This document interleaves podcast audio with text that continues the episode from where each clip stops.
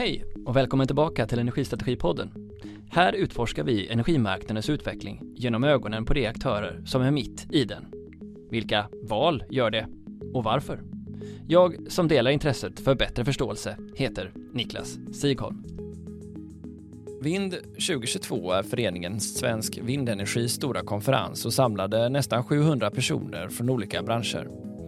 En anledning till storleken är givetvis hur snabb tillväxt som kraftslaget har och behöver ha för att Sverige ska ha en chans att möta upp den efterfrågan på ny elektricitet som kommer från industrin. Det är också en dag där en nulägesbild skapas från samtal med flera centrala aktörer i branschen. Så, var befinner vi oss nu? Daniel Badman är VD för Svensk Vindenergi och summerar och reflekterar tillsammans med mig om vad som sades. Kul! Ha det med! Hej Daniel Badman, välkommen tillbaka till Energistrategipodden. Hej Niklas, tack så jättemycket. Och eh, vi har i veckan då haft eh, ja, vad som måste vara en av energibranschens största konferenser eh, som ni har varit värd för. Kan du berätta, vad är, vad är Svensk Vind, eller Vind 2022 som det hette i år?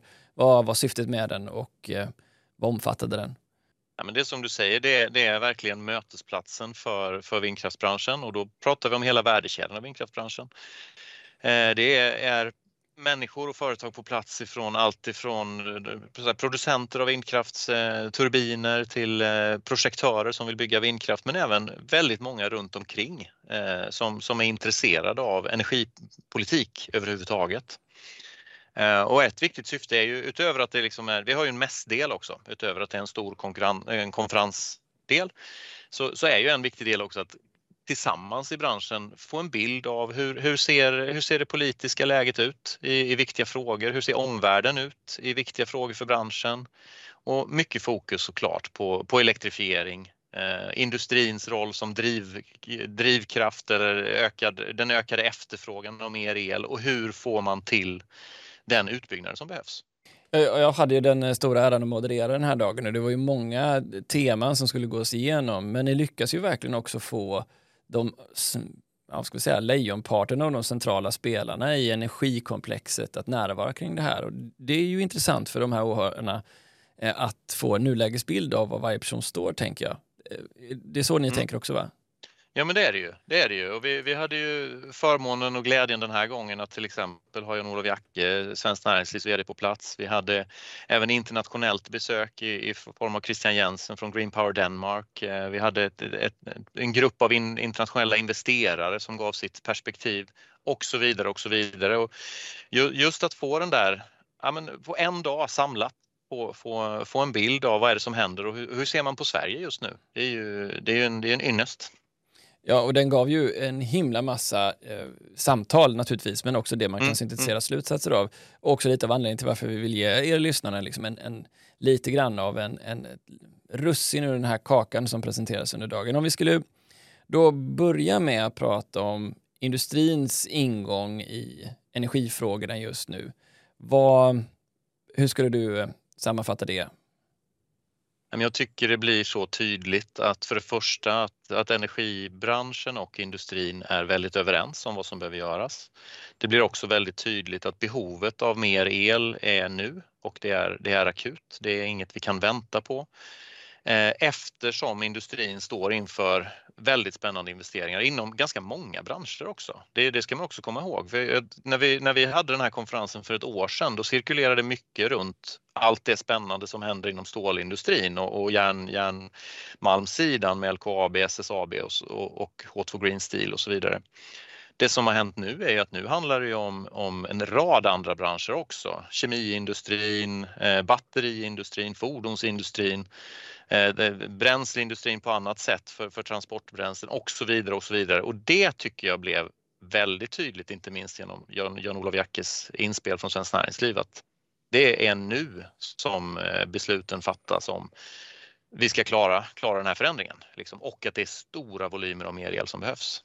Ja, och det, åtminstone jag då, om jag ska tala för mig själv, hade ju kommit min in, ingången till intervjun med Jan-Olof Jacke att de i, legat i linje med nuvarande regering och pratat mycket om just systemstabilitet och då kärnkraft specifikt. Det behövs planerbar kraft och det här var också någonting som jag pressade honom på i, i början. Hur tyckte du att hans eh, reaktioner var? Vad, vad var det centrala men, du fick med dig?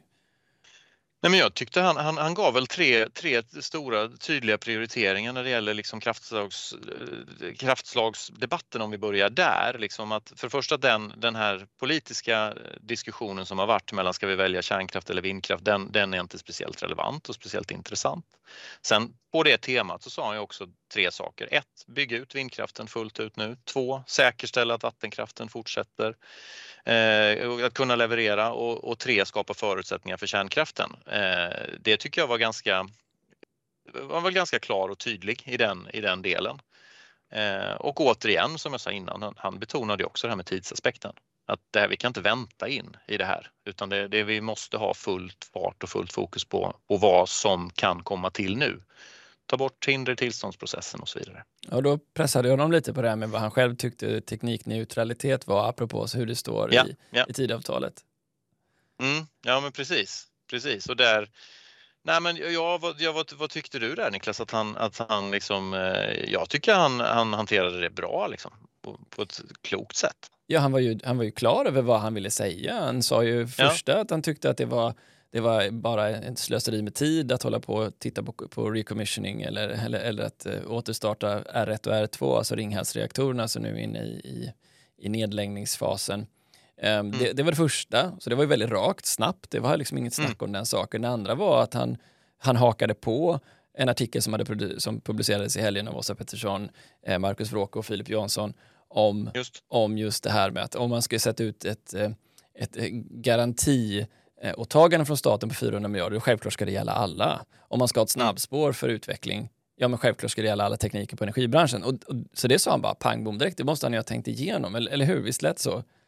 Ja, men det, det, var min bild också och jag tycker det var, det var, väldigt, det var väldigt klokt och väldigt rimligt. Att det, det, det, och det skickar ju också signalen från, från, från näringslivet att det, det, det, är den här, det är den här tempot vi behöver ha och det, och det är den här ansatsen vi ska ha. En tillit till marknaden skickar det också någonstans, eller hur? Ja. Att, att liksom, ja, men, låt, låt marknadskrafterna också vara med här och bestämma vad som, vad som kommer vara eh, bäst ur, ur eh, vad som kommer lever, leverera de mest kostnadseffektiva lösningarna. Liksom.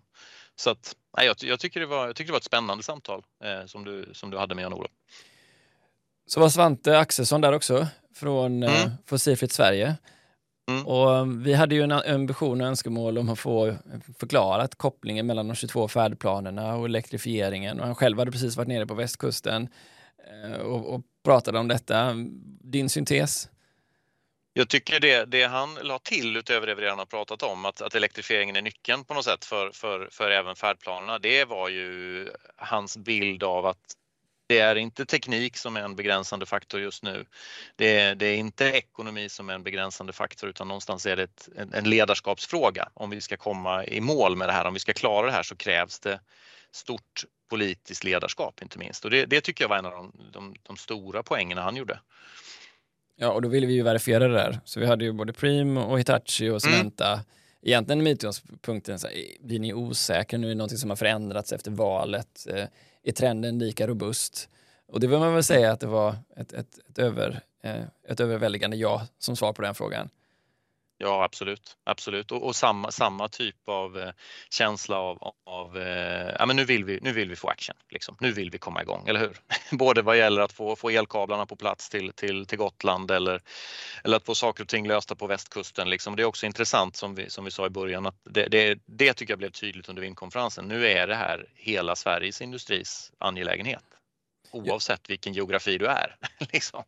Ja, men precis. Ja, en av, mm. Båda de här två personerna som representerade mer energikrävande verksamheter i form av Cementa och Preem sa mm. ja, men våra planer ligger fast, vi kommer behöva öka elektrifieringen. Mm. Det som var intressant med att ha Hitachi där var ju den frågan att ja, men ni står ju för teknik som stabiliserar nätet, som är en av de här mm. spakarna att dra i när det kommer system, till systemstabilitet. Eh, eh, då vill säga produktionen, nätet och konsumenterna. Ehm, och när vi pressade på den frågan, det var det jag ville få ut var ju egentligen så här, men, men klarar vi av, tror vi, tekniskt att utveckla system som har en överväldigande stor del förnyelsebar eh, grön energi? Och där var ju också svaret ja. Ja, ja men absolut och jag, jag tycker också det var intressant att höra hur resonemangen just från Hitachi kring vilken otrolig...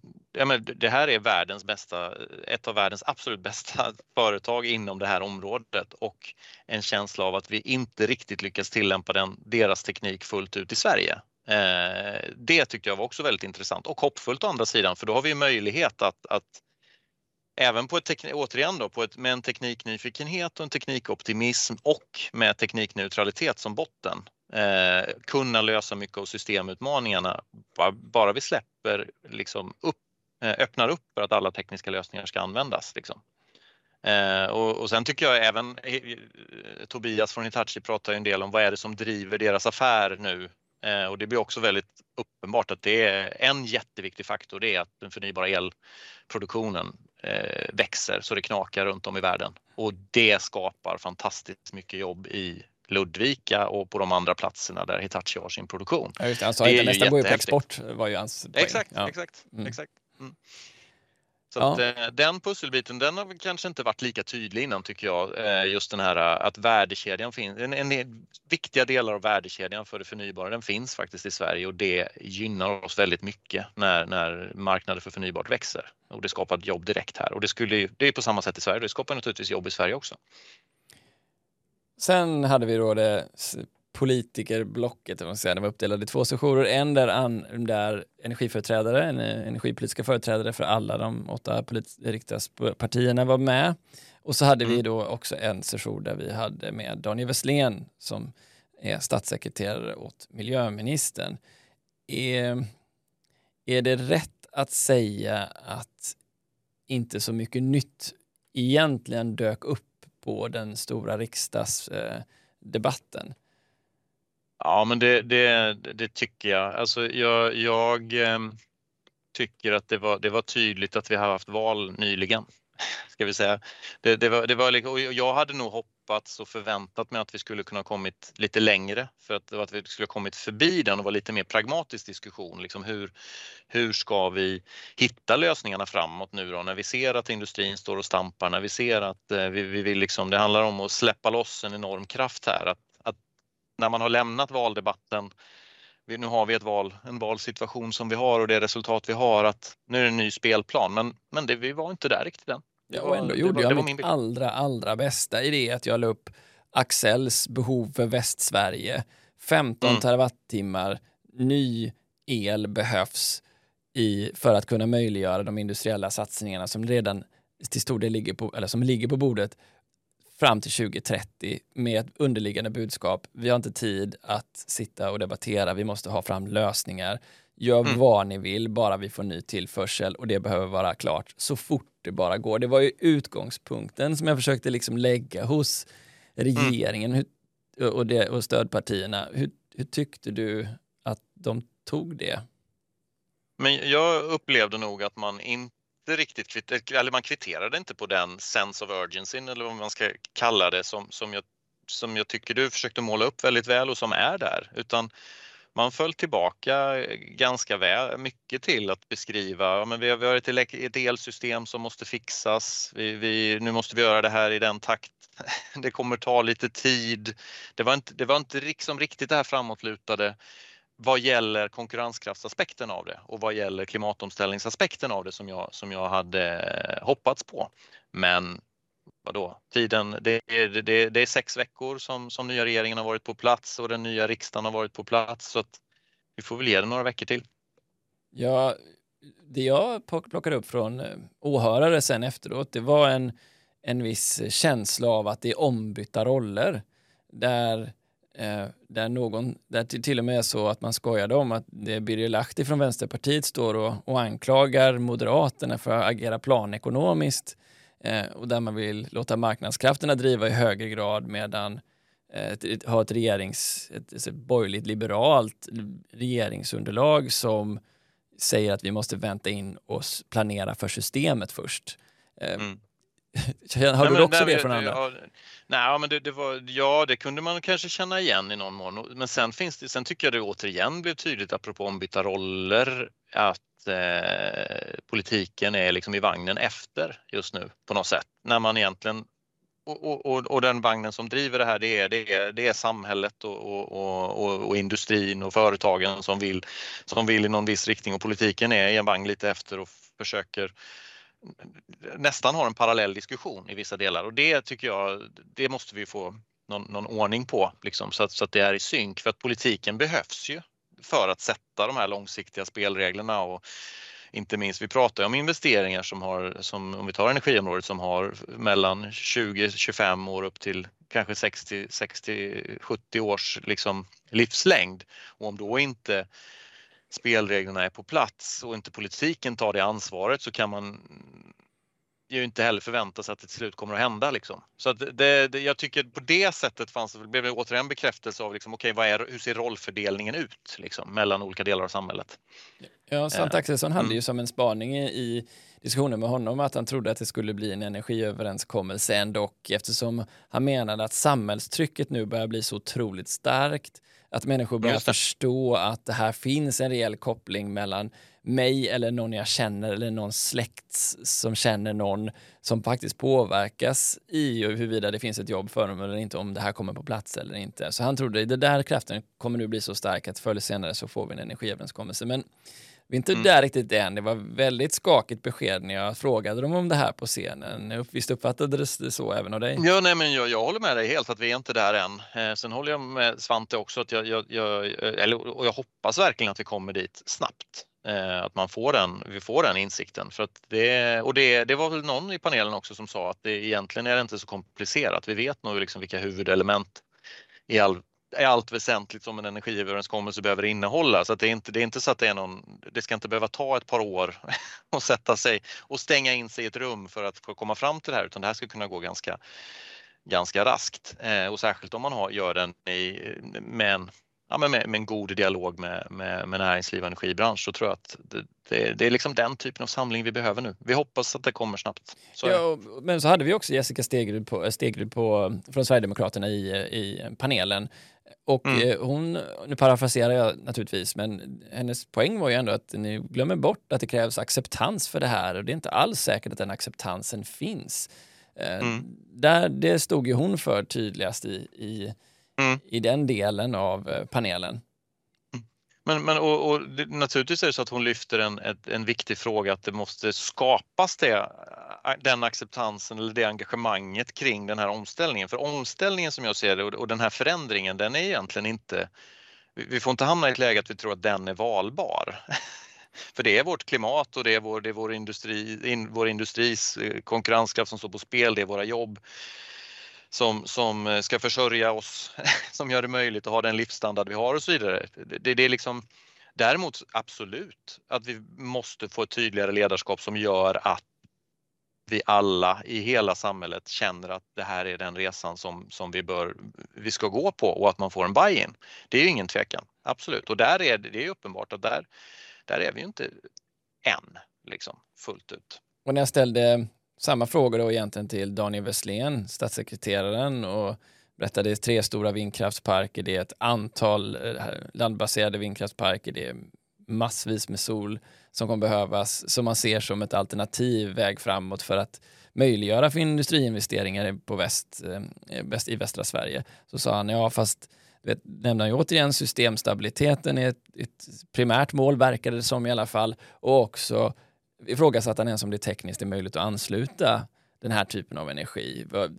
Där var det också ja, men... rätt så skeptisk till om den här planen var genomförbar. Ja, och där, och där tänker jag att där, där, där eh, får vi väl se till att det är möjligt. Liksom. Det, är väl, det, det tänker jag är, är, är, uppgiften för, för, för politiken att göra allt man kan för att se till att det där är möjligt och även klara naturligtvis systemstabilitet och annat som, som behöver vara på plats. Men, men som, eller som självklart behöver vara på plats. Liksom. Men, men att, att bli för liksom, defensiv och, och, och säga att äh, vi hoppas att det, att det kanske inte eller vi, hoppas, vi får se om det blir. Liksom. Det, det, det, tror jag inte. Det kommer ju inte. Jag är inte säker på att det var det Daniel menade egentligen heller faktiskt. Ibland pratar man ju om varandra, alltså man pratar om olika saker. vet. Men, men det är ju vad jag förväntar mig av, av, av politiken. Liksom att, ja, men vi har fattat poletten. vi ska fram, det är klart att vi ska lösa det här och det är självklart, det tycker alla eh, som tar, som tar energifrågan på allvar, att systemstabilitet och, och de frågorna är också helt fundamentala. Men det, det, får inte bli, det ena, det ena är inte på bekostnad av det andra. Liksom. Vi måste kunna ha högt tempo i, i, i överhuvudtaget. Liksom. Eller hur? Jag frågade honom ju faktiskt, eh, apropå att det är många andra länder som ju inte har den trygghetsbasen i form av vattenkraft som vi ändå har och kärnkraft naturligtvis mm. eh, som vi har, men ändå har en, en otroligt mycket mer ambitiös vindutbyggnadsplan än vad vi har just nu i vårt land. Och det är ju mm. betydande länder med större befolkningar än Sverige och så frågar jag vad är det vi har missuppfattat och, och då påtalar han att jag tror inte de riktigt har förstått system, systemstabilitetsperspektivet. Eh, där mm. var han ju rätt så kan man mm. säga kaxig mm. ändå i, i mm. hur man eh, själv har förstått något som många andra länder i Europa ännu inte har sett. Mm. Ja visst, men jag, jag, ibland tänker jag med vattenkraften, den, den, är ju, den är ju vår viktigaste eh, tillgång på så många sätt och den har skapat så oerhört mycket värde. Men när det gäller just lösningar framöver så är den ibland också en, en, en hämsko för oss när det gäller att se vad som händer i andra delar av världen. För att den har ju löst väldigt mycket av systemstabilitetsutmaningarna i elnätssystemet och den är en väldigt viktig regler, det är liksom den avgörande reglerbara resursen och den, den stabiliserar vårt elnät. Baksidan som jag kan se ibland är att vi därmed har tappat lite nyfikenheten kring just det som sker i andra länder. Vi vet ju att i länder som Irland till exempel, där, där kan vindkraften leverera 14 stödtjänster eh, för att de incitamenten är på plats och där jobbar man med stö stöttande teknik runt omkring på olika sätt som vi ju naturligtvis också skulle kunna jobba med liksom, till mycket större grad. Och vi vet ju hur mycket, menar, vi pratade om Hitachi innan, vi vet hur, de otroliga möjligheterna på, på den pusselbiten utav systemet. Sen har vi ju Sen har vi ju andra delar som, som eh, spännande teknikutveckling kopplat till pumpkraft. Det skulle kunna, vi har ju massor med gamla gruvor i Sverige som, som ligger och väntar på att bli använda till något bättre. Eh, det skulle kunna leverera precis det där som vattenkraften gör i systemet. En jättefin match med, med vindkraft och solenergi. Eh, och så har vi liksom lagringstekniken som kommer. Vi vet att varenda ny större produktionsanläggning. Det gäller ju även kärnkraften, bygger batteri, batterilösningar nu i anslutning. Så att den där, ja, för att liksom knyta säcken på något sätt, alltså, kanske är det så att vi, vi, vi ska bejaka och vi ska jobba med vattenkraften och den är fantastisk för oss, men vi måste nu börja öppna blicken för, för allt det andra som ligger där och väntar. Ja, för att koppla vidare till, till den internationella utblicken som kom ja. efter det här så frågade vi oss, så hade vi ju precis fått höra detta när jag intervjuade Daniel, Eh, och där vi fick höra då Christian Jensen säga att ja, men vi, vi ska inte bara tredubbla energiproduktionen i, i Danmark fram till 2030, vi, ska, vi kommer ha 60 procent förnyelsebart i vårt system. Och så frågade Daniel, vad, vad säger du om det här då? Ja, men det kan de ju säga. De sitter ju faktiskt ihop med både Norge och Sverige, var ju mm. kommentaren där på. Men det var, eh, det, så det var, men det var en ambitiös plan som Danmark har. Alltså den danska satsningen är ju jätteinspirerande. Liksom. Eh, så är det ju med, med de energiöar som, som de är på gång att bygga upp och, och också den nationella, som jag uppfattade från Christian, den, den, nationella samlingen som finns kring, kring frågan. Att det, jag får nästan bilden av att det snarast är en tävling om vem som med, är mest ambitiös och hur man backar upp det än att det är en tävling om att gå i olika riktningar. Liksom. Utan det är snarare vem, vem och, och det kan ju i sig, kan jag tänka mig, kan också vara en utmaning för, för för energibransch och annat om man börjar tävla utan att ha liksom verklighetsförankring. För det, det ska ju också levereras det här. Det är ju, inte, det är ju um, sju år i kort tid och, och att tredubbla produktion på sju år är, det är tufft alltså. Det är, men väldigt inspirerande. Nej, jag bara tänkte på vad du sa om sammankoppling bara. Det, jag menar, Sverige, ska, Sverige hänger ju också ihop med andra länder och det hoppas jag verkligen att vi fortsätter ska göra och ska bygga ut mer av sammanlänkningar till andra länder just för att skapa den här system stabiliteten över, över tid. Liksom. Så att, ja, tillbaka till Danmark. Ja, han var ju, han var ju naturligtvis en företrädare också för, för motsvarigheten mm. till en sammanslagning av några föreningar i Sverige. Jag ställde frågan så här, men vad är det som gör att den lokala acceptansen fungerar i Danmark då? Då, då var han ju tillbaka på kopplingen mellan samhällsnyttan och mm. vindkraftsproduktionen.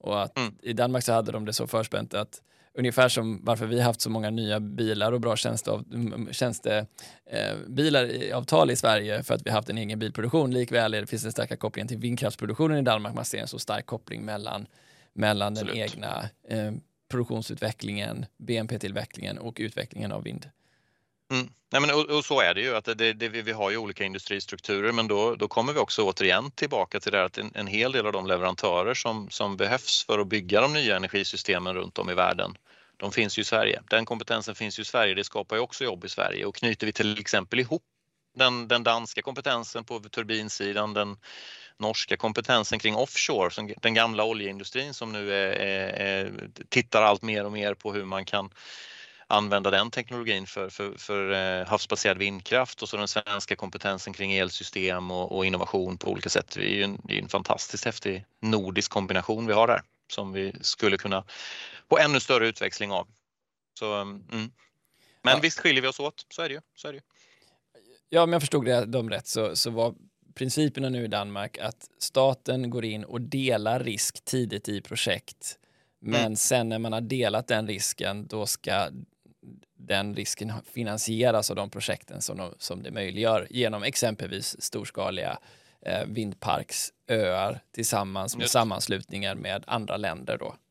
Precis, och det, och det, är, väl, det är väl sånt man, alltså det, det kommer ju bli intressant tänker jag med lite längre tidsperspektiv att titta på i Sverige också, men också alternativa modeller. Jag tänker nätutbyggnadsfrågan är en sån där för Sverige där man absolut skulle kunna titta och blicka ut lite mer hur man har löst det med riskdelning Eh, på den finansiella sidan för att få, för att få nätutbyggnaden på plats så snabbt och med den, den tempo som vi vill eh, och som vi kommer att behöva för att klara elektrifieringen. Så att jag tycker, jag tycker Christians, Christians exempel var otroligt inspirerande eh, överhuvudtaget. Några andra tre som eh, kanske inte var några här, självklara talare men som ändå hade ett väldigt intressant budskap var de tre stora institutionella investerarna i förnyelsebart, bland annat. Nu var det här så extremt stora fonder ändå, så de hade ju otroligt mycket under sin eh, portfölj såklart. Men en av de mm. sakerna som jag tyckte var intressant när vi då hade sessionen med det privata kapitalet, det var när jag frågade om är den här trenden robust nu i en miljö där vi får mycket högre riksbanksräntor. Det är inte bara Sverige utan hela Europa. Ehm, och det normalt sett leder ju också till högre kalkylräntor vilket skulle kunna göra att det privata kapitalet blir mer riskaversivt, mindre villigt att ta risk i framförallt kanske politiskt reglerade områden. Men hans poäng som svarade på den här frågan var den att ja, fast om vi tittar på hur inflationen nu sticker så följer inte kostnaden på kapital med lika snabbt. Och det är Nej. så trygga man känner sig i mm. att investera i de här typen av kraftslag att eh, cost of equity som man säger det, som kostnaden för det, den kapital man behöver följer faktiskt inte med inflationstrycket uppåt. Det, tyckte, det är ju väldigt intressant. Det var intressant. Ja. Ja, men det är det. Och, det bekräftar ju också bilden av att det, det är inte kapital som är en begränsning för att få projekt eller få, få saker på plats, utan det är, det är snarare antalet projekt som är, som är begränsningen. Finns det tillräckligt mycket vettiga eh, investeringar att göra? Liksom. Sen tycker jag den, jag är väldigt glad att vi hade den panelen för att få den eh, just internationella utifrån, alltså hur ser man nu på Sverige och Norden? Liksom? Med, med, vi, vi tenderar ju alltid, och det blir ju så, vi utgår från vår egen från vår egen verklighet och det tycker jag de kom in med att Sverige är fortfarande oerhört attraktivt att, att eh, investera i. De tekniska förutsättningarna är bra. Det är en stabil, stabil eh, trygg, trygg ekonomi. Men det är klart att det finns det är klart att kapitalet är flyktigt. Jag minns inte exakt hur de uttryckte det, men det, det var ju inte så här, det är inte givet Nej. att det ändå är Sverige man kommer satsa i. Utan Norge var ett sådant exempel. De sa nu har Norge infört nya skatteregler, vilket gör att vi inte, nu blir Norge ointressant. Om jag förstod det hela rätt så var det så här, Danmark är bäst in class, Norge vill man inte nudda just nu, eller överdriver jag såklart, men, men Finland och Sverige har goda förutsättningar, men varför investerar vi mycket mer i Finland än i Sverige? Den frågan dök mm. upp också från deras sida. Mm. Mm. Nej, men, och, och, det, säger ju, det, det, det, betyder ju någonting liksom, som, som, vi har, som jag tänker att vi i Sverige har att lära och som vi i Sverige har att vara ödmjuka inför också. För att, för att, för att vi, ska vi klara det här så kommer det krävas kapital. Det är ju, ingen, det, det är ju så. Det kommer behövas betydliga volymer kapital och det, den, de pengarna vill vi ju ska satsas i Sverige, eh, antar jag, så, för att vi ska få den position vi vill. Eh, men, men jag tror ju också att med det tryck som är, men vi hör vad som händer på europeisk nivå när det gäller trycket nu att, att öka tempot och, och, och bygga ut det förnybara och, och förändra elsystemen överhuvudtaget. Det är klart att det kommer bli en ännu mer konkurrens om vem som är den mest attraktiva marknaden att eh, investera i. Liksom. Så där, det tycker jag var ett tydligt och viktigt budskap till, till oss här i Sverige och till den svenska politiken att nu gäller det att vara ödmjuk liksom, också. Så. Ja, för det, nu inser jag, det fanns ju en hel del, fast ganska mycket att plocka ur just den sessionen. För det, kommer du ihåg det hans, eh, Mattias Bindberg sa från, från Prime Capital? Han, för jag började med att säga att by the way så är vi större i den här typen av investeringar än vad Statkraft är, så vi, vi är liksom mm. största mm. aktören. Och sen så sa han också att eh, det som ju blev allt mer intressant för oss, det är ju att vi skulle kunna göra eh, det här projektet så berättar de hur de producerar vätgas för att göra syntetisk naturgas. Hur det minskar risken för att öka möjligheten till fler marknadsplattformar. Mm, det. Och det är ju egentligen det. precis det du sa innan, den här med att liksom ställa krav på också i den inkommande energin att kunna vara delaktig i ett större system. Absolut. Och, det, och, det, och, det, och då måste vi komma tillbaka till det vi började med. Då måste också, när vi ställer de kraven så måste vi vara eh, teknikneutrala också. liksom, för att då kommer kapitalet tillsammans med de tekniska lösningarna att investera i det som är mest eh, attraktivt liksom, och, konst, liksom, och, och, kostnadseffektivt. Det, det, det, är det någonting vi kan vara trygga med så är det ju att kapital, kapitalister är bäst på att veta var, var man får mest, eh, most value for, for the money. Liksom. Eh, det är inte politiken. Så att jag tycker det, på det, så får en ganska fin länk till, till den där inlednings, eh, eller, eller, ja, inledningsdiskussionen vi hade. Eh, och hur allt hänger ihop. Liksom. Det är så. Det blir, jag tycker det är ett bra exempel med, från, från Mattias där. Mm. Mm. Och så gör vi lite en, snabbt eh, nedstamp i, i Fertiberia Groups stora investering ja. i, eh, i eh, handelsgödsel eller, eller grönt eh, handelsgödsel. Mm. Ja, väldigt, väldigt också på samma tema som, som, som Christian Jensen från Green Power Denmark. Väldigt inspirerande att höra hur, hur, hur man då liksom en, ett spanskt stort bolag ser norra Sverige som intressant att investera i och som dessutom då investerar i någonting, alltså konstgödning, eh, som, som vi är stort, stort beroende av, rysk, rysk marknad, eh, rysk import ifrån som kan helt enkelt, elektrifieringen driver liksom både industriell investering i Sverige men det driver också fram att vi får bättre, bättre resiliens, bättre motståndskapacitet från, från externt beroende i andra sektorer. Liksom. Eh, i det här fallet då jordbrukssektorn eller vår mat. Ja, det tryckte han ju mycket på. Så ni, ni har ja. ingen egen sån här eh, gödselproduktion. Den är alldeles nödvändig. Ni har en fin jordbrukssektor men ingen egen, ingen egen produktion av det här i landet. Och Nej. 60 procent av all den energin som behövs eh, i form av naturgas för det här väldigt energikrävande verksamheten som det ser ut idag, den kommer från Ryssland. Så ni är visst beroende av Rysslands eh, naturgas, även om ni kanske inte trodde det. Mm. Ja men precis och jag tyckte det blev, nej det var, det var, det var häftigt liksom att se det där exemplet just återigen då att i botten åt, att det, då är det liksom goda investeringsförutsättningar där, där elen är, är den, en av de helt fundamentalt avgörande faktorerna för att få det här att hända och så kan vi få de här andra nyttorna. Jag tycker det LKAB gör i, i norra Sverige är ju ett annat sådant exempel när man tittar på, de här, tittar på vad de kan få ut för sällsynta jordartsmetaller till exempel genom det de har upptäckt nu och sett skulle, är, på, är på väg att satsa och investera i. Det är ju det är på samma sätt ett annat beroende som, som Sverige och Europa har ifrån från andra delar av världen som skulle kunna öka vår resiliens eh, och motståndskraft och, och, då inom, inom värdekedjan för, för, för, för stål, stålproduktion och batteriteknik och, och så vidare. Så då, ja, spännande, spännande tider. Och så den lilla kopplingen till hastighet då, så frågar jag honom när vill ni göra ja. det här och så svarar han nu. Hur mycket behöver ni? 600 megawatt. Nu. Ja. inte, inte 2030 fråga. Nej, nej, nu. Nej. Ja, okej, nu. Mm. Ja. Så även där, de står ju i kö, de har inte fått någon den tillgången än eftersom det, det är ju många som, som strävar efter eh, att elektrifiera eh, nya och befintliga verksamheter i Boden-Luleå-området. Sen zonade vi tillbaks ner till, eh, till Sverige från det internationella perspektivet. Där hade vi både Cecilia Hermansson som är ordförande för Klimatpolitiska rådet. Vi hade en diskussion med flera representanter om tillståndsfrågorna och sen rullade vi över på acceptansfrågorna. När vi kommer ner då på, om vi börjar liksom i utgångspunkten, eh, vad var det du fångade från Klimatpolitiska rådet och, och den diskussionen?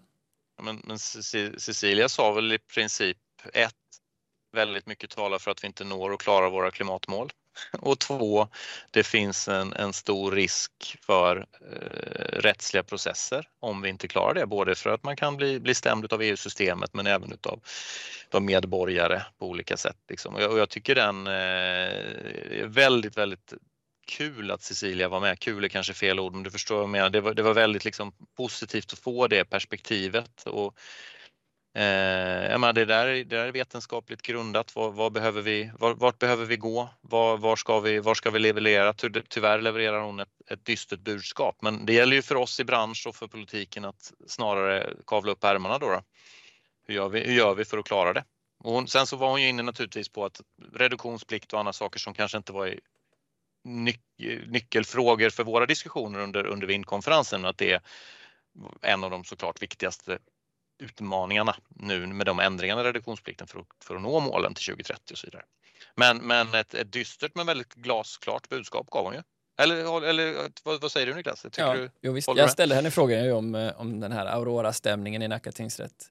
Just det. Eh, och då sa hon egentligen bara, ja men det där är ju väldigt intressant. Vad mm. de rättsliga effekterna kan bli av att eh, att så många partier går med och, och skapar en lag som nu är svår i alla fall. Jag, jag vet inte exakt hur hon uttryckte det här, nu, men, men, men det var svårt upplevde jag från hennes sida att se hur man skulle klara det här nu givet den politik som man börjar föra eftersom det inte sker inom den handlande sektorn och då är det transportsektorn och då ja, måste man ju någonting radikalt hända i transportsektorn om det inte ska vara genom reduktionsplikten.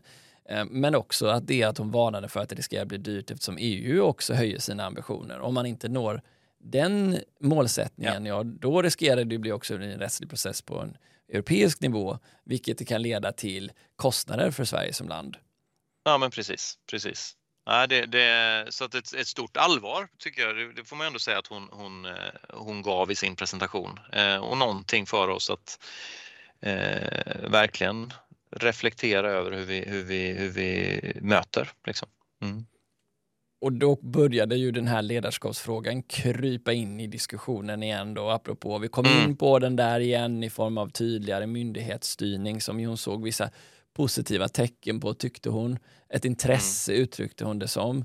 Men mm. sen när vi kom in på frågan då om hur vi får fler tillstånd så tog den sin utgångspunkt i kopplingen mellan hur frustrerande och rättsosäker så många eh, utvecklare, vindparksutvecklare ja. känner att processen är. För den kan förändras, den kan sägas nej till vid, vid, flera tillfällen. Man vet inte exakt vad som ska levereras, det skiljer sig mellan från projekt till projekt. Eh, där hade vi med då både eh, Karin Lexén från Naturskyddsföreningen, SCA som mm. sitter på två och drygt 2,5 miljoner hektar skog som de vill repowera och vi hade med Matilda Makacek från, från eh, RW Renewables. Eh, mm. Vad, sa, Nej, vad jag, tänker du om den? Nej, men det, det, den, det var ju en sektion som, som eh, bekräftade mycket av, av det som, som såklart många, eller ja, alla i branschen kämpar med på olika sätt. Alltså, och att det finns, finns verkligen förbättringspotential när det gäller tillståndsområdet i Sverige. Och du var inne på rättssäker, rättsosäkerheten som finns framförallt kopplat till den kommunala delen av, av beslutsfattandet eh, och det, det, kommunala tillstyrkan och så vidare. Där behöver det ju behöver ju bli, bli, bli bättre i Sverige om vi ska, om vi ska få en, en, en ordning på, på investeringar framöver.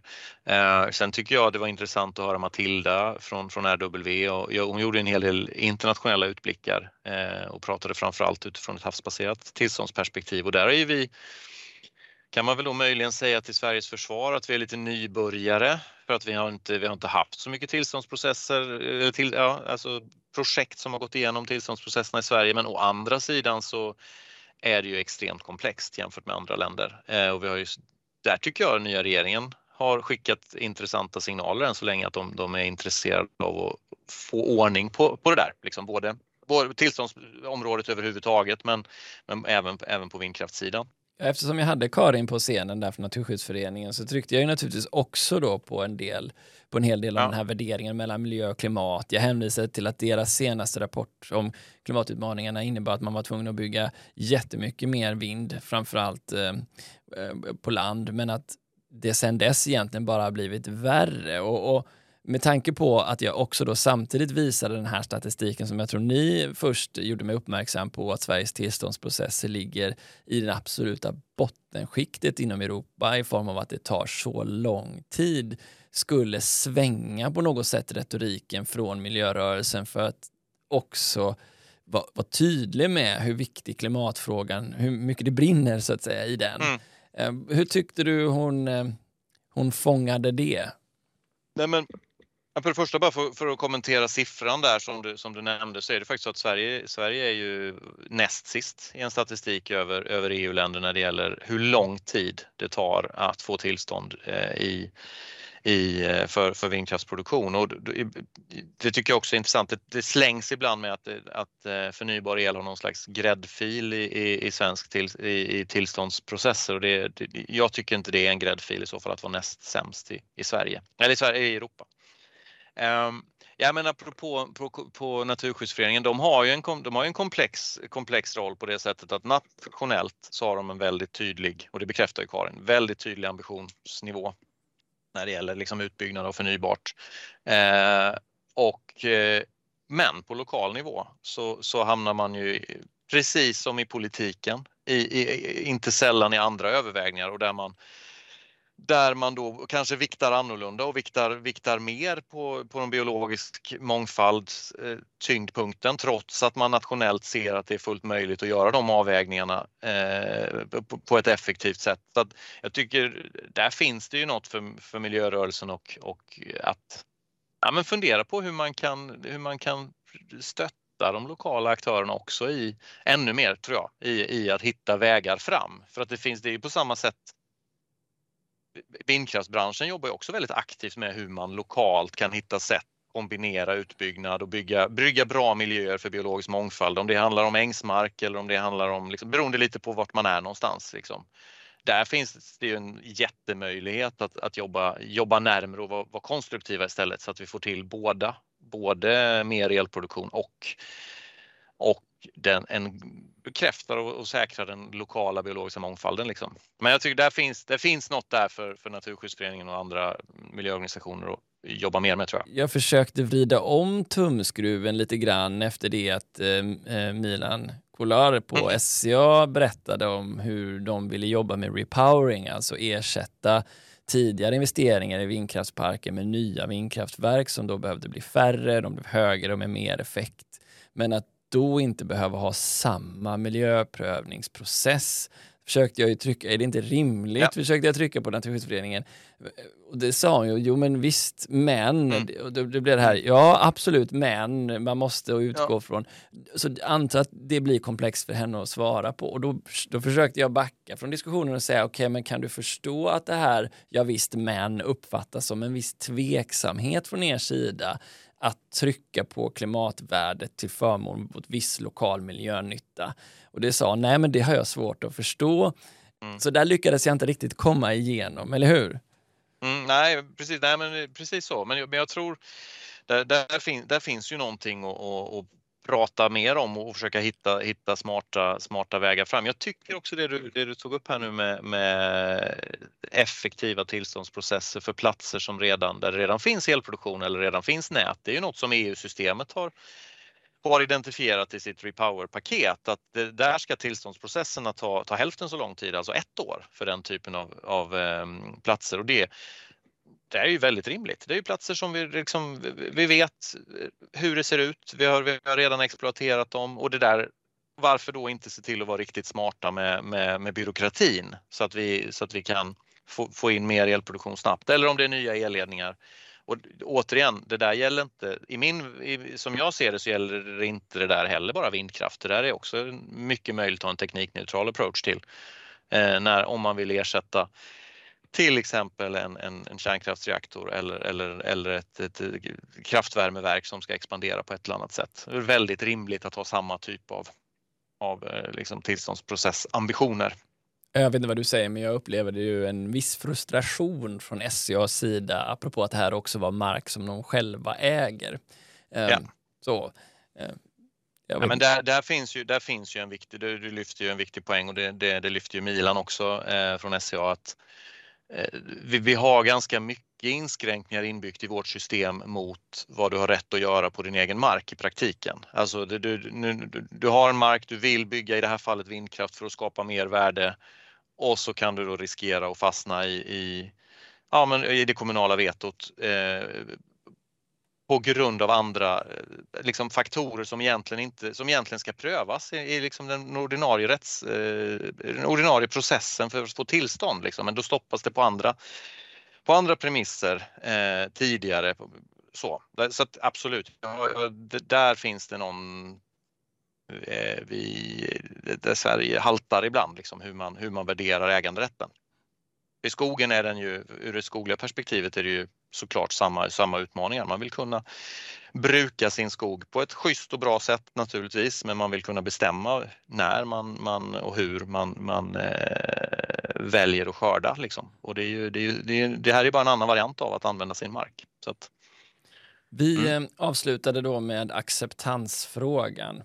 Och där pratade vi både om det här med incitamentsutredningen, den var ju med tidigare under dagen då med Ulrika Liljeberg som eh, nu är avgående mm. kommunalråd för Centerpartiet i, i, i Leksand. Um, men, och, och, så pratade vi också med Hela Sverige ska leva, var med där, med, och så var ju också kommun, eh, kommunalrådet från Ånge kommun som har ett, ett särskilt eh, liksom, utvecklingstempo nu givet att de har ett, eh, fått, har ett ställverk och vindkraftsproduktion i närheten. Um, så vi börjar med det här incitamentet. Jag, jag, det var en av de sakerna jag frågade Daniel eh, Westlén om. Mm hur de såg på att skicka in ett nytt direktiv in i incitamentsutredningen, alltså hur vi skapar lokal acceptans genom någon form av ersättning. Under våren så var det en debatt om det här, då det fanns flera förslag på bordet, bland annat från Sverigedemokraterna och från Centerpartiet, ja, men från flera, hur man skulle justera skatter för att möjliggöra incitament för, för eh, kommuner och områden eh, att, mm. få ersättning för, för eh, ja, att, att ha energiproduktion i, i närheten. Mm. Medan nu då så kommer förslaget från Tidöavtalet som nu är inskickat till utredningen att, att det är verksamhetsutövaren själv som ska stå för det här. Och då reste jag den frågan till Daniel eh, Westlén om, är det rimligt att man både går till en myndighet och söker ett, ett bidrag och sen samtidigt ska betala, eller ett, ett tillstånd och samtidigt ska betala och förhandla om en peng för det tillståndet? Fungerar det med myndighetsutövning? Det måste ni, antar jag, också ha tänkt på från Svensk Vindenergis sida. Jo, jo men det har vi och det, det, har ju myndigheter tidigare tänkt på. Det finns en, en, så kallad vägledning om hur man ska tillämpa den kommunala tillstyrkan idag där Naturvårdsverket och Energimyndigheten i den vägledningen är väldigt tydliga med och säger att, säger att eh, det, det, är inte förenligt med, med svensk, svensk eh, grundlag i praktiken att, att ha den typen av konstruktioner där du ska betala för, för att få tillstyrkan. Eh, så så att, så att just, den, just den delen eh, känns ju Ja, det, det känns ju tveksamt, ska vi säga så. ja, han, var ju, han svävade ju på målet när han skulle svara på ja. det. Han sa ju det här är bara någonting vi skickar in i utredningen, vad det landade, det får vi se. Han vill ju inte säga någonting ja. om det. Och, men det. Men jag frågade Ulrika om det kommer fördröja utredningen det är klart att hon sa ja, men lager av komplexitet skapar ju mer jobb, men så vill hon inte säga så mycket mer om det. Så vi får väl se vad som händer med den. Men vi, man ska också komma ihåg att utredningen tittar ju på två delar. Det är, det är en del är just liksom, vad ska man skapa för former för att eh, eh, ersätta närboende och, och om liksom som privatpersoner och andra aktörer som, som, då, som påverkas på ett eller annat sätt. Den delen ligger ju fast. Den, den, den, här delen som, som man har ändrat det är just ersättningen direkt till kommuner och det är där det blir en, en konstitutionell tveksamhet tror jag, vad jag, vad jag förstår utifrån, utifrån vad Naturvårdsverket och Energimyndigheten har sagt tidigare. Men, men och jag, jag tycker också det är lite synd, eh, men jag hoppas att, att det går att, går att fånga upp det på något annat sätt ändå. För att jag tittar, tittar vi på hur våra grannländer gör så är det ju just konstruktionen att fastighetsskatt till exempel tillfaller kommunen istället för att tillfalla staten och som blir då ett tydligt incitament, tydlig eh, direkt ersättning till kommunen för att man är med på, på resan om, om eh, att bygga ut, bygga ut vår elproduktion. jag tycker någon... också, ja, nej, men jag, bara jag tycker också att det, det, det, där är ytterligare ett exempel där det är vettigt att vara teknikneutral.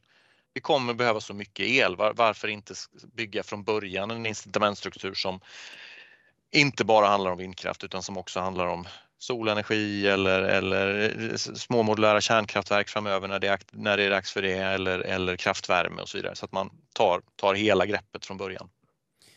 Ja, förlåt att jag avbröt där förut. Jag, ja. Det jag tänkte säga var att det var ju också någonting som, som eh, ju Therese Mengård från Hela Sverige ska leva var inne på, att det här att det, det, det vad var det hon sa? Alltså, först kommer ni och tar vår, vår, vatt, ja. vår skog och sen kommer ni och tar vår vattenkraft och nu jäklar mig ska ni ta vår snålblåst också. Att, Absolut. att man mm. såg i, i, i orter där, där kanske civil och, eh, och statligt samhälle drar sig tillbaka att, mm. att det, det, finns en ja, rättvisaspekt som inte känns helt rätt där. Nej, men det ligger en viktig, viktig eh, aspekt i det som Therese lyfter ett stort allvar i att och det kopplar väl också tillbaka till vad vi pratade om innan om det här med, med, med att det är viktigt att hela samhället är med på resan. Och, och där gäller det ju verkligen att vi, ja, även där behöver ju hela samhället hitta sätt så att alla känner sig delaktiga och får tillbaka någonting tydligt. Jag, jag tror också det är väldigt, väldigt viktigt. Eh, det, är ingen, det, det, är ingen tvekan om det och det ska vi vara ödmjuka för så att vi inte, så att vi inte trampar snett eh, en gång till. Liksom. Ja, och det var väl ungefär det det som mm. Eh, Erik Löfgren från äh, Ånge berättade också att där var kopplingen glasklar. Folk kände en stolthet ja. över utvecklingen för man såg vad det ledde till den här, de här stora satsningarna i, i Ånge kommun. Ja, det var ju, och det var ju otroligt inspirerande och häftigt att se liksom hur de ändå har, har lyckats skapa en framtidstro. Och inte, han var ju också ärlig med det, det är inte så att det har skett utan att det varit diskussion och utan utan att man har behövt lösa ut knutar och att det säkert finns, en, finns frågor, frågor fortfarande lokalt. Men att precis som du säger, att göra den där direkta kopplingen till att här blir en investering i, i vätgasproduktion som kommer att skapa jobb för oss och som kommer att bygga vår liksom, industriella kapacitet eh, framöver. Den kopplingen behöver ju bli behöver ju göras ännu starkare och där, tycker, där ser jag framför mig att kommuner kanske ännu större grad ska ja, men bör, bör börja fundera över den just möjlighetsagendan. Okej, vi, vi, det, det, är spännande det här med vindkraft, men låt oss också fundera över hur vi kan dra nytta av den då lokalt. Kan vi attrahera någonting annat? Kan vi Alternativt då, hur kan vi säkra att vår, hur kan det här bidra till att vi säkrar vår, vår, eh, vår, den, de företag och den företagaranda vi har redan idag liksom, så att inte vi är med och tryck, pressar ner elpriser och vi är med och skapar möjlighet för nya investeringar. Så att det är lite ett mindset också, liksom, att, att titta på det ur ett möjlighetsperspektiv. Vi får se till att det kommer fler eh, kommunpolitiker eh, till eh, Vind 2023 Ja, men det är väl en bra, det är väl en bra målbild. Eh, absolut, absolut. Vi hade, vi hade väldigt glad för att vi hade några stycken, några på plats och, och de som var i panelen gjorde, gjorde ju event, gjorde ju väldigt stor nytta för, för hela konferensen. Eh, men, men det är en, det är en bra, det är en, det är en god poäng. Absolut. Eh, det är en viktig samarbetspartner. Men även om vi här problematiserar mycket så finns det ju gott om hopp. Du nämnde ju själv att det finns 70 eh, terawattimmar vindkraftsproduktion på regeringens bord att godkänna eh, mm. för utveckling. Det är ytterligare faktiskt hundratals eh, terawattimmar energi som, som det, vis, det är aktivt visat intresse för i Sverige. Så att mm. det är ju på inget sätt kört här, eller hur? Nej, alltså jag, jag, tror, jag tror det är viktigt att liksom, det, det samtalet vi har haft nu har ju varit utifrån, liksom ett, som du säger, vi har problematiserat den diskussion vi hade och vi har sett, men också sett mycket möjligheter på vad som händer på andra, i andra delar av världen. Men Sverige, vi har ju ett otroligt case, alltså investerar, investerarna vill investera i Sverige. Eh, den tekniska potentialen är, är, är alldeles utmärkt och vi har dessutom den industriella efterfrågan från mer el och från vindkraftsel jag tycker att vi, vi har ju nu en möjlighet som väldigt, väldigt många andra länder skulle drömma om att ha, skulle jag säga. Eh, och sen gäller det att förvalta den genom, genom ledarskap och att gå fram på ett sätt så att alla känner sig delaktiga. Men, men rätt förvaltat så har ju Sverige AB som, som vi har någonstans har pratat om här hela tiden en, en otrolig möjlighet genom att, att bygga ut och bli världs, på riktigt behålla ledartröjan i, i elektrifieringen och i industrins eh, elektrifiering. Men jag började ju med den frågan och den eh, avslutade jag faktiskt aldrig med. Det är ju lite stressigt nu alltså. Ja men, men det är ju, ja det är ju, både, det är ju liksom, lite så är det ju både och alltså. Det är ju, det, det är, den här otroliga nyfikenheten och intresset och viljan som finns att göra saker skapar ju såklart en frustration. Man står liksom och, och, och river lite i, i, sanden om man hade varit en, en, en häst på, på artblocken liksom. Så att det är klart att det blir, det, det, jag, det är klart att det är en, man vill ju komma loss, man vill ju få loss den kraften, absolut. Eh, och det, men visst, det kommer väl, eller hur Niklas? Det kommer. Ja, vi får hoppas där att Svante Axelssons eh, spaning var korrekt, antar jag. Och återigen, mm. som du understrykt och jag understrykt, vilket kraftslag som helst, men den behöver gå fort, givet att vi också har en internationell konkurrens om vår industri, såklart. Det är väl Absolut. det man tänker det, på, att den det känslan... Behöver gå, ja, det behöver gå väldigt fort och, och, och industrin är redo, energibranschen är redo, eh, investerarna är redo. Eh, nu väntar vi bara på att politiken ska släppa taget fullt ut så kommer det här att bli fantastiskt häftigt. Du Daniel, tack så hemskt mycket för att du var med i Energistrategipodden. Tack Niklas, det var jätteroligt.